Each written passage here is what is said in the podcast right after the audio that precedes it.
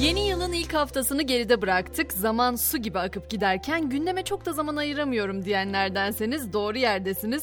Yeni hafta, yeni hayaller, yeni başlangıçlar, yeni hedefler demek. O zaman haftaya bir doz güncellenmeyle 1-0 önde başlayabilmek için gelsin Podi ile sabah güncellenmemiz. Her şeyden önce uyarmak isterim. Dikkat diyorum bugün başınıza uydu düşebilir.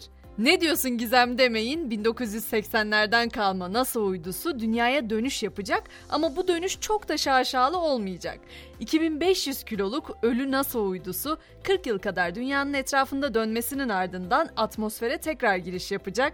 NASA'ya göre uzay aracının büyük bir kısmı bu giriş sırasında zaten yanarak kül olacak ama kimi parçaları bugün dünyaya düşebilir. Tabi biraz şanslıysak bu parçaların okyanusa düşeceği tahmin ediliyor. Gelelim yurdumuza İstanbul'un barajları kuraklık sebebiyle son zamanların en düşük seviyesinde İSKİ verilerine göre barajlardaki doluluk oranı %32,25 olarak ölçüldü.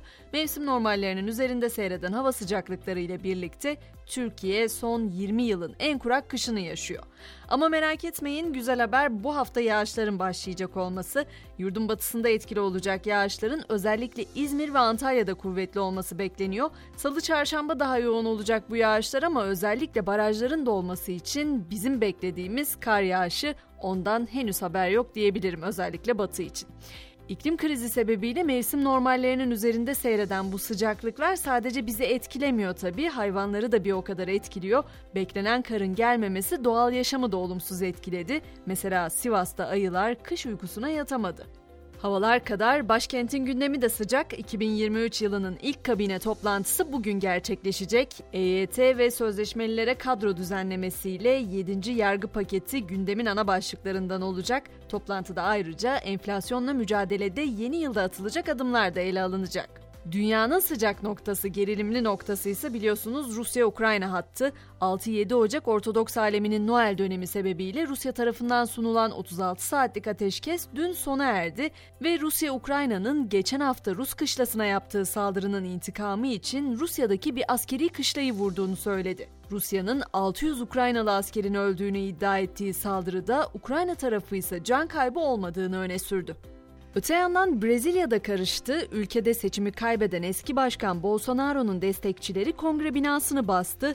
Polis Bolsonaro yanlılarını durdurmak için göz yaşartıcı gazla müdahale etti. Kongre binası saatler sonra geri alınabildi. Brezilya Devlet Başkanı Lula, Bolsonaro destekçileri tarafından düzenlenen kongre baskını nedeniyle 31 Ocağı kadar federal müdahale yetkisi aldığını açıkladı.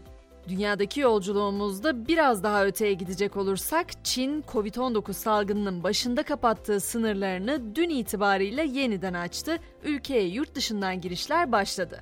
Ama öte yandan Çin'in bu sıfır vaka politikasından vazgeçmesinin ardından Çinli yolcuların yurt dışına açılmasıyla birlikte peş peşe ülkelerde tedbirler açıklıyor biliyorsunuz. Hollanda hükümeti de Çin'den gelen yolculara negatif Covid-19 testi sunma zorunluluğu getirme kararı aldı. Uygulama yarından itibaren başlayacak. İngiltere'nin gündeminde ise uzun süredir grevler var. İngiltere Başbakanı Sunak bugün greve giden tüm sendika liderlerini görüşmeye davet etti. Sunak müzakerelerin yapıcı olmasını umduğunu bildirdi.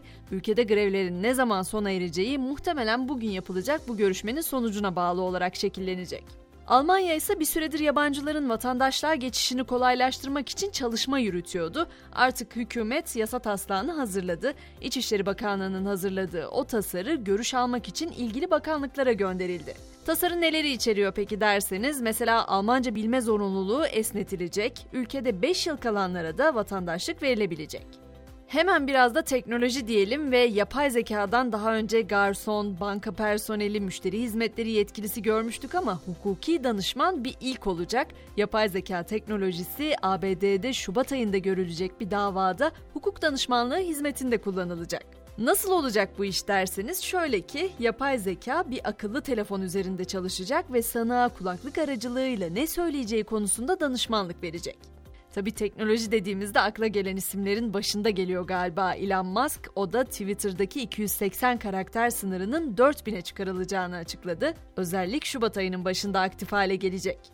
Ünlüler dünyasından da dikkat çeken bir haberim var. Konu yine Benedict Cumberbatch çünkü onun atalarının nereden geldiği bir süredir tartışma konusu. Önce köle sahibi dediler ama şimdi araştırmacı Andrew Symes dünyaca ünlü oyuncunun büyük büyük dedesi Robert William Cumberbatch'in 1864'te İzmir'e konsolos olarak atandığını ve öldüğü güne kadar da Buca'da yaşadığını söyledi. Cumberbatch ailesinin bir ferdinin mezarının da yine Buca ilçesinde olduğu öğrenildi. Durumdan haberdar olan ünlü oyuncunun da İzmir Buca'yı ziyaret etme planı olduğu belirtiliyor. Ve gelelim Süper Lig'in 18. haftasındaki dev derbiye. O derbide kazanan Galatasaray oldu. Derbinin ilk yarısını 1-0 üstün tamamlayan Sarı Kırmızılılar bu sonuçla 24 yıl sonra ilk kez Kadıköy'de ilk yarıyı önde kapamış oldu. Maç sonunda ise Fenerbahçe'yi 3-0'lık skorla geçen Galatasaray puanını 39'a çıkardı ve liderliğini sürdürdü.